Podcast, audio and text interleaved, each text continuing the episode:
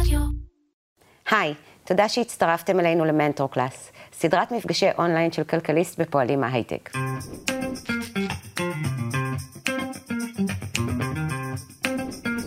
במסגרת הסדרה התקיימו מפגשי אחד על אחד בין יזמים צעירים לבכירי תעשיית ההייטק הישראלית, כדי שאלה יחלקו איתנו מניסיונם ויעזרו לנו יזמים בתחילת דרכם לצלוח את הבעיות שיצוצו בדרך לצמיחה.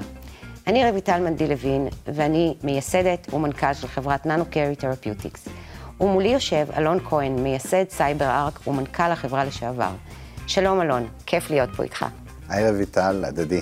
אלון, בתור התחלה, אנא, ספר לי על עצמך.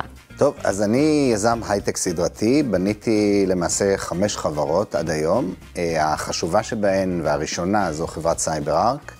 אה, את CyberArk הקמתי במרתף אה, של הבית, ביחד עם השותף שלי, אודי מוקדי. הובלתי אותה 15 שנה, שש שנים הייתי מנכ"ל, אחרי זה יושב ראש. CyberArk היום מעסיקה כ-3,000 עובדים בעולם, נסחרת בנסדק בשווי של 6 מיליארד דולר. באמת אה, הפכה להיות אה, חברה ישראלית מדהימה. אה, היום אני מייסד ומנכ"ל של חברת פינטק סייבר חדשה, נקראת nsKnox, ו-nsKnox בעצם מונעת גניבה של כסף מארגונים. במקום לשמור על דאטה, אנחנו שומרים על כסף, מונעים מעילות, הונאות, תקיפות סייבר שמטרתן לגנוב כסף. זה מה שאני עושה היום בעיקר. ואלון, תגיד, זה נכון שכל הדבר הענק הזה התחיל בגלל מכתב אהבה? וואו, אני רואה שעשית תחקיר טוב. אה, כן, האמת שנכון. אני ב, ב, בתחילת השירות הצבאי שלי כתבתי מכתב אהבה לחיילת, חמודה מאוד, ויום אחד גיליתי שלכל החיילים ביחידה יש עותק של המכתב הזה. כמובן שהייתי בשוק, ניסיתי לברר איך זה קרה, והסתבר שאחד החיילים ביחידה uh, פרץ למחשב המרכזי של הצבא, חיטט במה אני עושה כי עניין אותו, מצא את המכתב הזה, הדפיס עותק לכל החיילים, ואני הייתי בשוק. ואז אמרתי לעצמי, רגע, אם אני, כמי שאחראי על תשתיות התוכנה במרכז המחשבים הכי גדול בארץ, הצבאי, שאמור להיות הכי מאובטח, אני אחראי על אבטחת המידע שם, לא יכול לסמוך על הרשת לשמור את המכתב האהבה הזה, הכי חשוב לי, הכי רגיש לי, אז איך אנחנו יכולים לסמוך על כל תפיסות העולם של אבטחת המידע? חיפשתי פתרון אחר. ואת הפתרון גיליתי רק uh, כמה שנים אחר כך בטרק בנפאל, עלה לי הרעיון לבנות כספת למידע שהיא מאבטחת את המידע בצורה הגבוהה ביותר, ללא קשר לרמת האבטחה הכללית של הרשת, ומשם התחיל ה CyberArk. סיפור מדהים. הסיפור שלנו פחות רומנטי. אה, NanoCarry מפתחת אה, ננו חלקיקים, פלטפורמה של ננו חלקיקים מהונדסים כדי להעביר תרופות ביולוגיות למוח. אה, ולטפל במער... במחלות של מערכת העצבים המרכזית. התרופה הראשונה שלנו מיועדת לטיפול בגרורות מוחיות של סרטן שד. וואו. משום שלסרטן שד יש היום תרופות ביולוגיות מאוד יעילות, אבל once הן מגיעות למוח, אין שום פתרון. זה בדיוק, ה... ו... ו... וזה מהווה את אחת הבעיות הרפואיות הגדולות ביותר. את זה בדיוק אנחנו באים לפתור. זה נשמע לי הרבה יותר חשוב ממה שאנחנו עשינו, ללא ספק. אוקיי. אה, שאלה ראשונה, למעשה, אנחנו קוראים המון על סיפורי הצלחה של אה, יזמים ישראלים וחברות ענק אה, ויוניקורן, ו... ו... ופחות נחשפים לסיפורים הפחות רומנטיים ולקשיים האמיתיים, במיוחד לקשיים שקשורים לא לעולם החיצוני, אלא בעצם הקשיים האינהרנטיים שמתרחשים בגלל כשלים או קשיים טכנולוגיים. הייתי רוצה שתספר אולי על קושי כזה, או נקודת שפל אפילו, מהעבר הרחוק, ואולי משהו גם שהוא יותר אה, קשור להיותך משקיע בשנים האחרונות. וואו, תראי, אה, כמו שאת רואה, אני איבדתי את השיער מרוב כשלים ונקודות שפל. אה, התהליך של אה, בניית אה, חברה הוא רצוף אה, כישלונות אינסוף.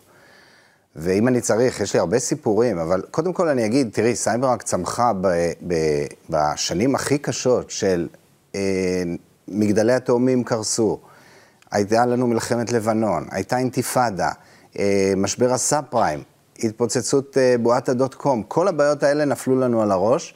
והיינו צריכים להתמודד איתם. אני אולי אספר סיפור אחד, ואחרי זה אני אגע בצד הטכנולוגי.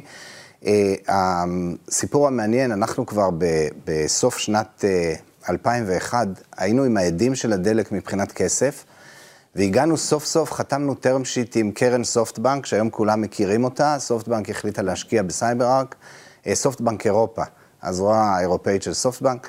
אה, והיום שבו היינו אמורים לחתום את העסקה, היה ה-11 בספטמבר 2001. נפלו התאומים בבוקר, כמובן שלא חתמנו שום דבר, אה, ואחרי כמה שבועות סופטבנק אירופה נסגרה, כי בגלל כל הקריסה של השווקים. אני מצאתי את עצמי במצב של עוד מעט אין לי כסף לשלם משכורות, ואני לא יודע מה עושים. למזלי, איכשהו שרדנו, היינו מאוד שמרנים בהוצאות, הצלחנו באמת עם העדים של הדלק כאמור לשרוד, וגייסנו כסף כמה חודשים אחר כך, אבל זה היה משבר אה, אדיר. אה, אולי עוד סיפור אחד קצר, אם יש לנו זמן. אה, בתחילת הדרך מאוד קשה למכור. הלקוחות הראשונים זה פשוט סיוט להביא אותם, לפחות לנו זה היה קשה מאוד. וכל פעם הייתי צריך אה, לתרץ תירוצים למשקיעים שלי, לבורד, שהם כבר מאוכזבים, למה לא נסגרות עסקאות וכולי. ופתאום קרה נס משמיים, סגרנו עסקה מדהימה עם ה-Federal Reserve Bank, עם הבנק המרכזי של ארה"ב, ווואו, הייתי מאושר. ומה, סיפרתי לבורד שוב ושוב על העסקה הזאת, וכולם התרגשו וכולם התלהבו, ואמרו, אז אולי באמת יש פה סיכוי בחברה הזאת. וממש ביום של אה, בורד שהיה לנו בבוסטון, אני עברתי לגור בבוסטון, אבל ביום של הבורד, נכנסת אליי אשת המכירות בבוקר למשרד, אה, פמלה מודי, ואומרת לי, אני חייבת להגיד לך, הפד החליט להחזיר את המוצר. הוא אומר שהמוצר לא טוב. וואו, מה אני עושה? יש לי בורד עוד מעט, אני את כל השבועות האחרונים צלחתי בזכות זה שסיפרתי להם על העסקה הזאת. איך אני מספר להם בכלל שזה מה שקרה? קיבלתי החלטה של מפקד בשטח, אמרתי, אני כרגע לא מספר את זה, אמרתי לפמלה, פמלה, צאי מהחדר, נדבר אחרי הבורד, לא שמעתי את זה. אה, באמת לא סיפרתי, והסוף הטוב זה שאחרי הבורד, כמובן בבורד לא דיברנו על זה, אחרי הבורד, אה, דיברנו עם הלקוח, שכנענו אותו, תן לנו עוד הזדמנות, נתקן. עשינו מאמץ גדול, ובסוף הפד החליט כן להשתמש במוצר והפך להיות לקוח אמיתי. זו דוגמה לנקודת שפל נוראית, כי אני הרגשתי שם שהכל קרס. תודה על השיתוף. מהי הנוסחה לגיוס מוצלח? ואני רוצה שתענה לי לא ממרום ניסיונך היום, אלא 15 שנה, 20 שנה אחורה.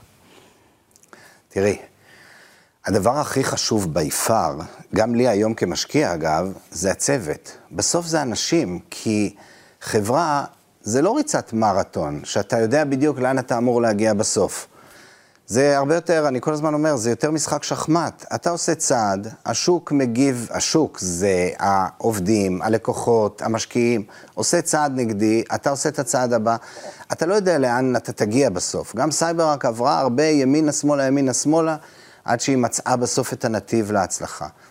אה, ולכן הצוות, אתה רוצה לדעת שיש לך אנשים שמסוגלים לקחת את הרעיון הראשוני ולהתקדם איתו עם כל הקשיים, לזוז ימינה-שמאלה, ימינה-שמאלה, ולהגיע בסוף לסוף. כשאני אומר הצוות, זה לא רק המוביל, זה החיבור והתקשורת בין כל המובילים. אני ומוקדי, הייתה לנו הרמוניה מדהימה, כי היינו החברים הכי טובים מהתיכון. אה, אני קראתי לחבר הכי טוב שלי לדגל מהתיכון, אמרתי לו, בוא, בוא נבנה יחד חברה. אז, אז כשיש כזה קשר טוב, אתה יכול לסמוך על הצוות, זה המתכונת, אה, קודם כל, אה, הכי חשובה להצלחה. אבל אם אנחנו רוצים קצת יותר אה, לפרט, אז היכולת של היזם למכור חלום, זה הדבר הכי חשוב. כי בסוף המשקיעים, הם רוצים להיות חלק ממשהו פנטסטי, גדול, מעניין. והסיפור שלך, אגב, מרגש ביותר, והוא בוודאי סיפור כזה. אז את צריכה לדעת למכור את החלום הזה, ואם תמכרי אה, חלום שהוא גם מרגש וגם מראה פוטנציאל כלכלי, אז יש לך סיכוי באמת לקבל אה, תמיכה של משקיעים, וזה, הייתי אומר, הדבר השני החשוב. יש כמובן עוד כמה דברים, אבל הדבר הכי חשוב מעל הכל זה מזל. בכל הדברים, גם בזה. אז זהו, אמרנו אנשים, אמרנו צוות, איך באמת בוחרים את הצוות המנצח, ו... האם, זאת אומרת, האם כל סיפור הזה של בחירת הצוות המנצח היא לא קצת קלישאה? כי איך אתה יודע, כשיושב מולך אדם, אם הוא יהיה הדבר הנכון לנצח איתך? או ש, ש, שאין מה לעשות, כולם צריכים ללמוד את זה מניסוי וטעייה. ותוך כמה זמן אפשר באמת לדעת את זה?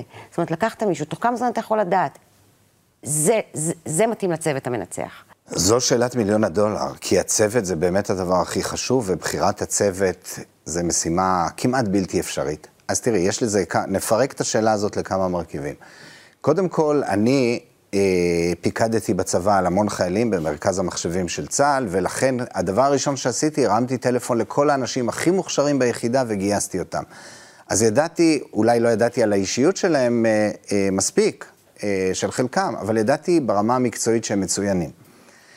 כשאתה עובר את השלב הזה של ה-friend and family, ואתה צריך כבר אה, לגייס אנשים חיצוניים, אז באמת היו לנו המון כישלונות. גייסתי אנשים שהסתבר שהם לא מה שחשבתי, כמה אפשר לגלות על בן אדם בשעה של ראיון, וגם reference call זה, זה, זה באמת uh, overrated לחלוטין, אף פעם לא שמעתי משהו נכון מ-reference call. ולכן גם זה לא עוזר, אז נכשלים, וזה בסדר. אבל מה שאני מחפש בצוות, זה קודם כל שחקני נשמה. כי כמו שאמרנו קודם על הכישלונות, אתה מתמודד עם כל כך הרבה קשיים, כל כך הרבה כישלונות, שרק אם יש לך שחקני נשמה, כמו שהיו לנו ב CyberArk, אתה מסוגל לצלוח את הקשיים האלה, ולצמוח, ולגדול, ולהגיע, להיות CyberArk בסופו של דבר.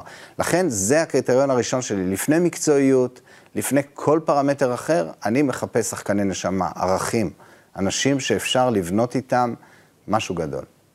ציינת שעברת לארצות הברית בשלב מאוד מוקדם, ובילית בבוסטון כמעט עשור, או אפילו יותר כן, מעשור. מעל עשור. מעל עשור.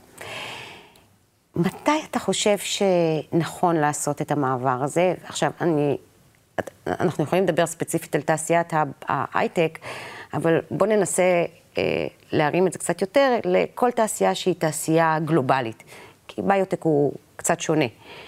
אה, מה הזמן האמיתי, אם יש לך לקוחות או אם אין לך לקוחות אפילו, להעתיק את מקום מגוריך ובאיזה... באיזה scale צריך לעשות את המעבר הזה? האם זה צריך להיות רק המנכ"ל, המנכ"ל וה-CFO, אה, להקים צוות פיתוח אה, בחו"ל? מה אתה חושב? כן. אה, תראי, א', אני אנסה להתעלם מהאירועים שקורים סביבנו בימים אלה, שיכולים לשנות מקצה לקצה את התשובה שלי אה, הזו. אה, אבל אם אני רוצה באמת, אם היית שואלת אותי את השאלה לפני חודשיים, אז הייתי אומר, תראי, היום בשונה ממה שהיה לפני 15 שנה או 20 שנה, בהחלט אפשר לבנות חברות גלובליות גדולות מפה מישראל. לפחות בתעשייה שלי, בתעשיית ההייטק הרגילה, אה, המסורתית. רואים את Check Point, רואים את Mobileye, אפשר לבנות חברות גדולות מפה, יש כבר infrastructure, יש אנשים שמבינים גם בטכנולוגיה, אבל גם ב marketing, ב finance, יש פה הכל. יחד עם זאת, אני באמת ובתמים מאמין שאם יש אפשרות, כדאי להיות ליד הלקוחות. ולכן, אם את יכולה לעבור לארצות הברית, זה, זה יעזור ב, ב, ב, בצורה אה, מדהימה לסיכויי ההצלחה של החברה. המשקיעים שלך כנראה נמצאים שם, יש מעט מאוד משקיעי ביוטק בארץ. הלקוחות שלך נמצאים שם.